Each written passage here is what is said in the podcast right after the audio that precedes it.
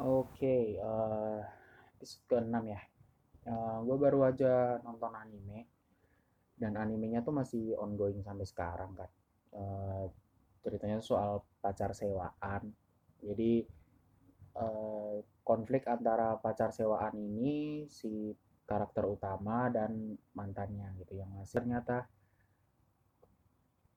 ya ceritanya tuh ber, ber apa ya berfokus pada konflik-konflik mereka bertiga ini gitu. Bagaimana konflik itu melibatkan keluarga teman ya semuanya gitu.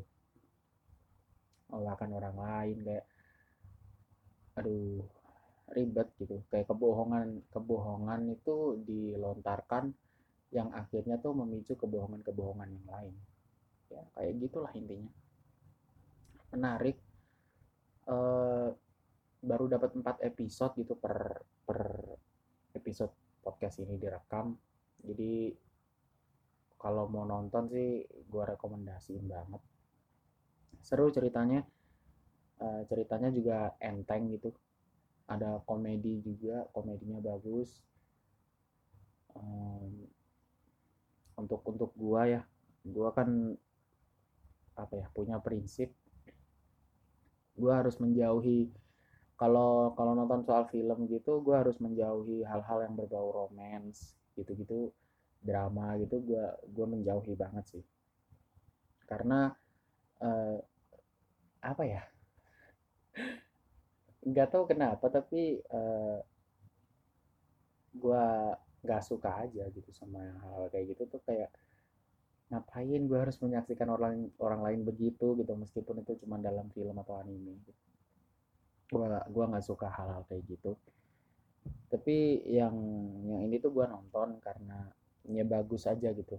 Banyak banget orang yang udah review udah udah nonton bahkan jadiin jadiin cerita di anime itu tuh sebagai meme tapi gue baru baru nonton sekarang sih. Dan keren. Kalau mau nonton uh, judulnya Kanojo Okairi Shimas Kanojo Okairi Okari Shimasu gitulah pokoknya. Okairi Shimas atau Okari Shimas ya kayak begitu. Cobain nonton. Seru.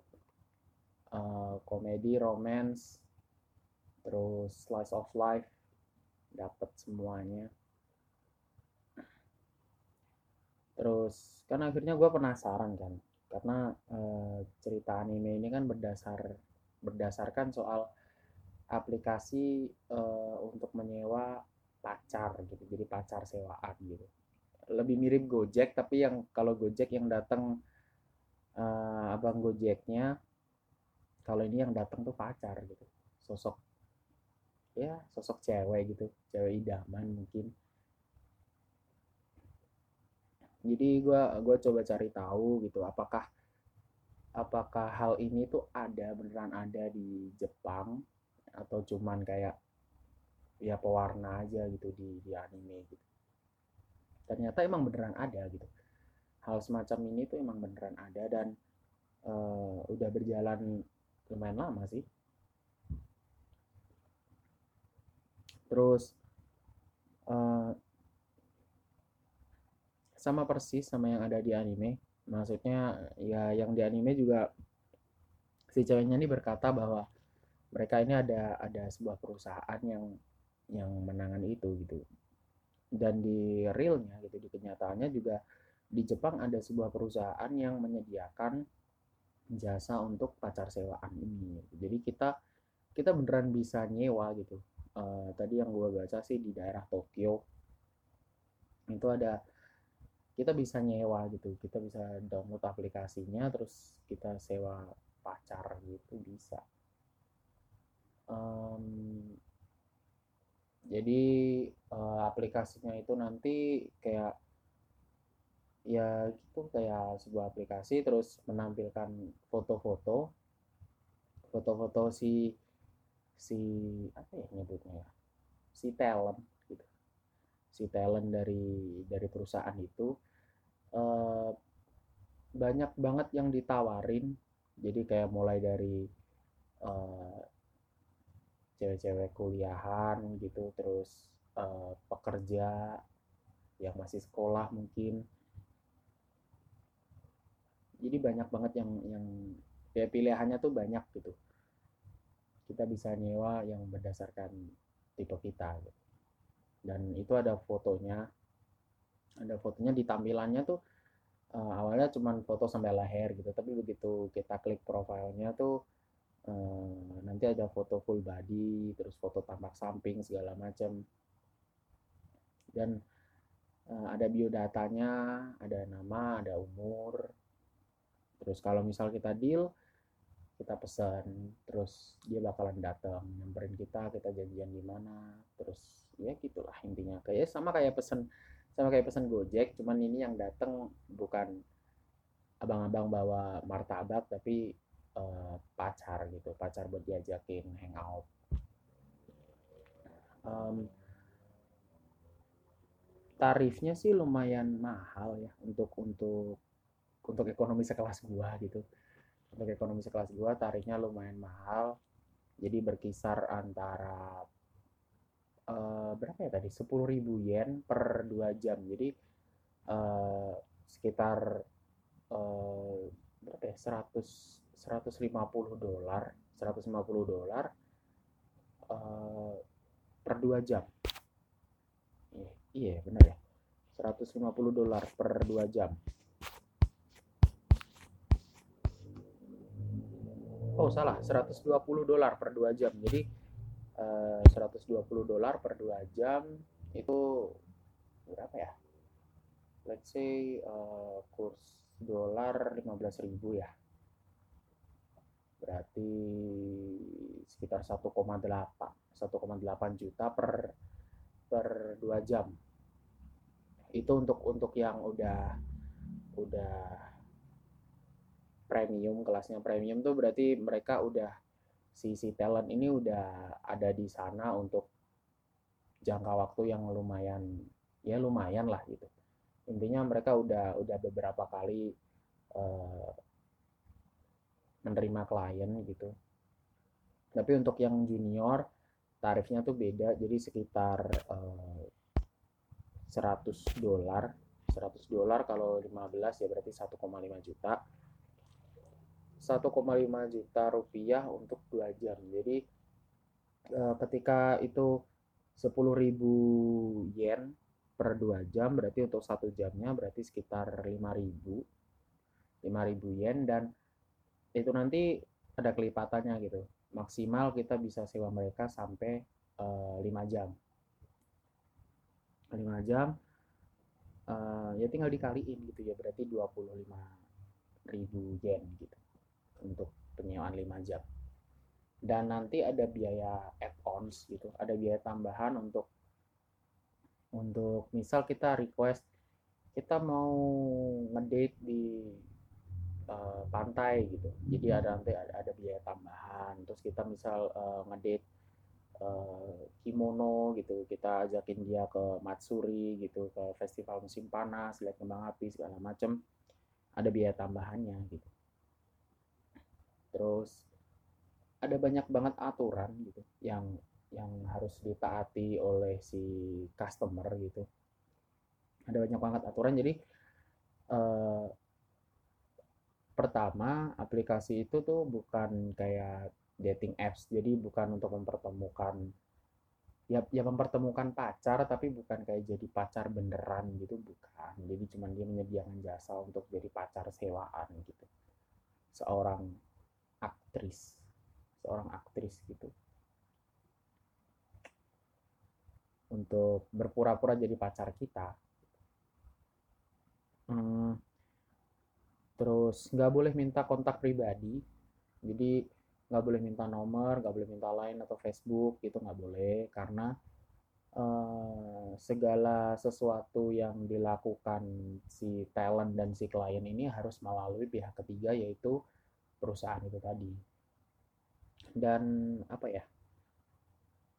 Eh, nggak uh, boleh ngedate di ruangan tertutup. Jadi kayak di hotel di di mobil gitu itu pokoknya terus di ruangan yang sempit gitu. Intinya ruangan yang tertutup gitulah itu nggak boleh. Jadi harus ngedate nya tuh kayak di kafe restoran terus ya tadi kayak di pantai terus mungkin di di festival kayak gitu gitu jadi nggak boleh ngedate di ruangan tertutup. Terus nggak boleh ada tindakan yang mengarah ke ke seksual. Jadi kayak pelukan ciuman itu nggak boleh. Jadi cuma sebatas mungkin pegangan tangan terus foto bareng kayak gitu gitu mungkin boleh. Terus banyak banget aturannya. Um, apa ya? Um, oh ya ngedate-nya tuh nggak boleh ini nggak boleh ngelebihin jam di mana kereta terakhir untuk si si pacar sewaan ini tadi lewat gitu. Jadi kayak kalau misal uh, kereta terakhir menuju stasiun B gitu itu jam 5 berarti kita uh, hanya boleh kalau misal kita sewa dari jam 4 ya kita mulai start sewa dari jam 4 kita hanya boleh nyewa dia satu jam. Kayak gitu. Jadi Eh, nggak uh, boleh yang dua jam gitu nggak boleh. Um, tapi peraturan ini bis uh, ada pengecualian. Kalau misal yang kita sewa itu talentnya tuh di atas 25 tahun gitu. Tapi dengan dengan ya ya syarat dan ketentuan berlaku lah intinya. Terus kalau misal kita sewa di sewa yang di luar jam kereta terakhir itu tadi uh, kalau misal si cewek ini nanti mau pulang gitu kan dia pasti nyegat nyegat taksi ya. Apa sih bahas nyegat taksi gitu intinya.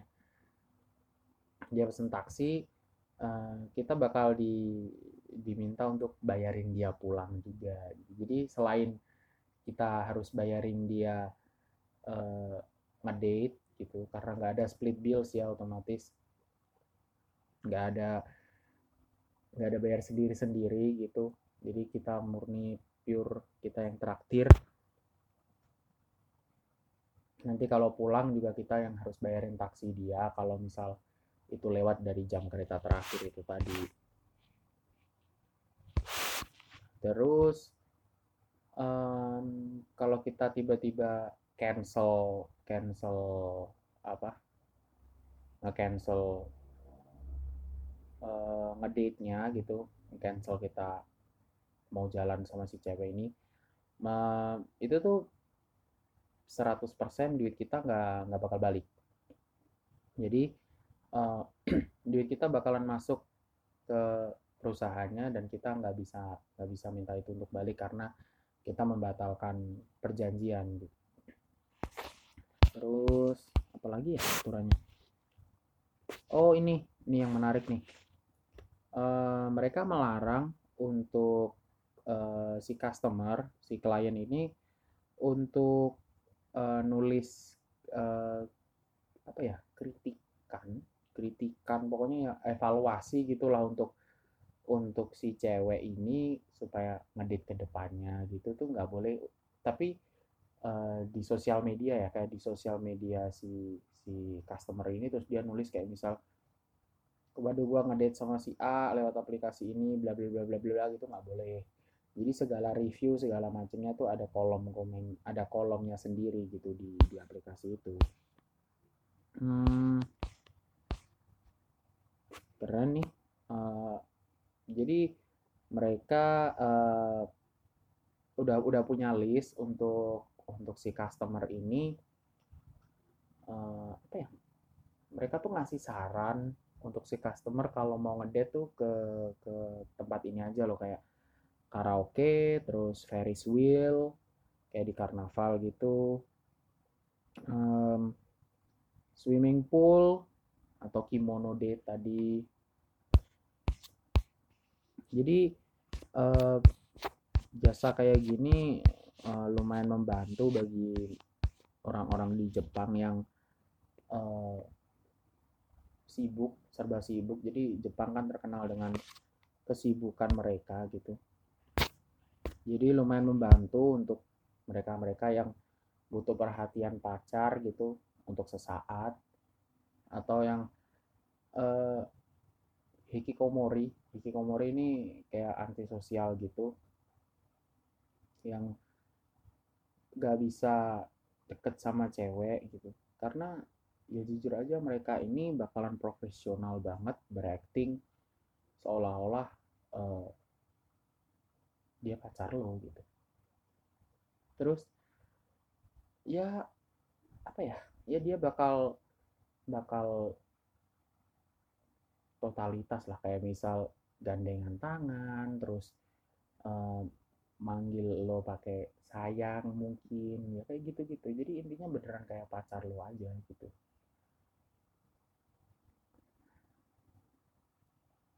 Terus tadi gue nemu nemu video gitu nemu video yang yang ada ada cowok gitu ada cowok eh, yang nyobain yang nyobain gimana rasanya gitu uh, nyewain pacar di Jepang. Nah, dia kayak western gitu ya, orang western gitu terus nyobain hal kayak gitu. Terus mereka ngobrol-ngobrol, gue lihat di videonya mereka ngobrol-ngobrol, terus kayak pertanyaan-pertanyaan yang dilontarkan ke ke si si pacar ini gitu. Menurut gue pertanyaannya menarik karena ada satu pertanyaan yang menarik banget yaitu gimana kalau sampai si cewek ini baper sama si si cowoknya gitu. Jadi bukan cowoknya yang baper ke si cewek kalau itu mungkin mungkin udah lumrah kejadian ya karena si cowoknya tadi yang butuh soal afeksi segala macam tapi gimana kalau kejadian itu kebalik gitu si cewek yang baper ke si cowok gitu dan nyata mereka juga profesional dalam menanggapi itu. Jadi uh, kalau dirasa kalau dirasa hatinya udah udah kayak aduh gue baper nih sama si cowok mereka akan segera menjauh gitu. Jadi berusaha mengikis mengikis perasaan itu gitu.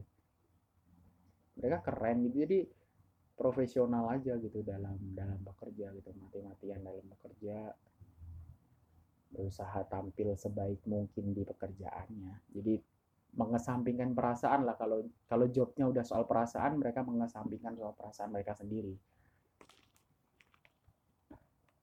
Hmm, terus uh, tadi apa ya? Dia juga nanya kalau uh, lo sekarang ada cowok nggak?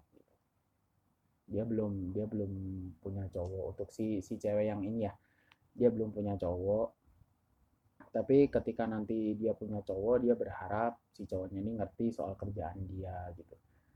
Terus uh, si penanyanya ini balik lagi nanya gimana kalau misal gitu kalau misal uh, si cowok lo ini uh, ikutan ikutan apa yang lo lakuin gitu. Jadi kayak misal dia jadi uh, rental boyfriend gitu. Pacar sewaan tapi versi laki-laki gitu menurut lu lu ada ketakutan nggak soal itu sebagai seorang wanita gitu yang melakukan pekerjaan ini gitu? Terus dia jawab uh, ya menurut saya gitu menurut gua pekerjaan apa pun itu nggak membuat lo jadi seorang peselingkuh gitu. Karena pada dasarnya selingkuh itu ya dari dalam diri lo sendiri gitu. Saya percaya meskipun meskipun dia bekerja kantoran kalau dia mau selingkuh ya selingkuh aja gitu. Nggak harus pekerjaan kayak gini itu identik dengan selingkuh gitu. Jadi kalau mau di gimana pekerjaannya kalau dia mau selingkuh ya selingkuh gitu. Dan itu ya keren sih menurut gua. Karena ya selingkuh itu kejadiannya nggak peduli siapa di mana dan dalam keadaan seperti apa nggak peduli gitu. Jadi kayak mau selingkuh ya selingkuh aja nggak nggak ada alasan bahwa pekerjaan dia kayak begitu. Nggak ada alasan sih.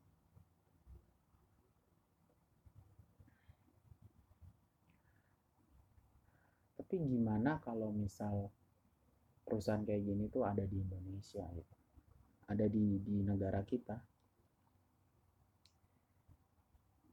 Kayak gue tuh mikirnya gak bakalan ada kejadian yang membuat perusahaan kayak gitu tuh ada di Indonesia gitu. Pertama karena uh, stigma yang cewek terus kenal banyak cowok itu udah negatif udah jelas negatif.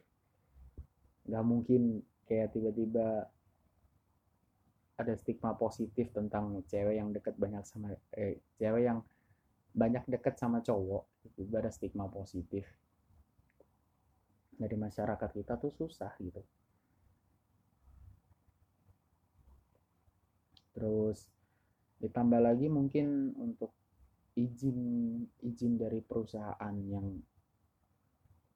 yang pengen mendirikan perusahaan gitu bakal izinnya susah sih. Karena ya ya gitu lawannya tuh nanti ormas nanti peraturan perundang-undangan yang berdasarkan agama segala macam jadi susah gitu untuk untuk ada perusahaan yang yang memutuskan eh ya ada ada orang yang mau mendirikan perusahaan yang menyediakan jasa pacar sewaan itu tadi gitu.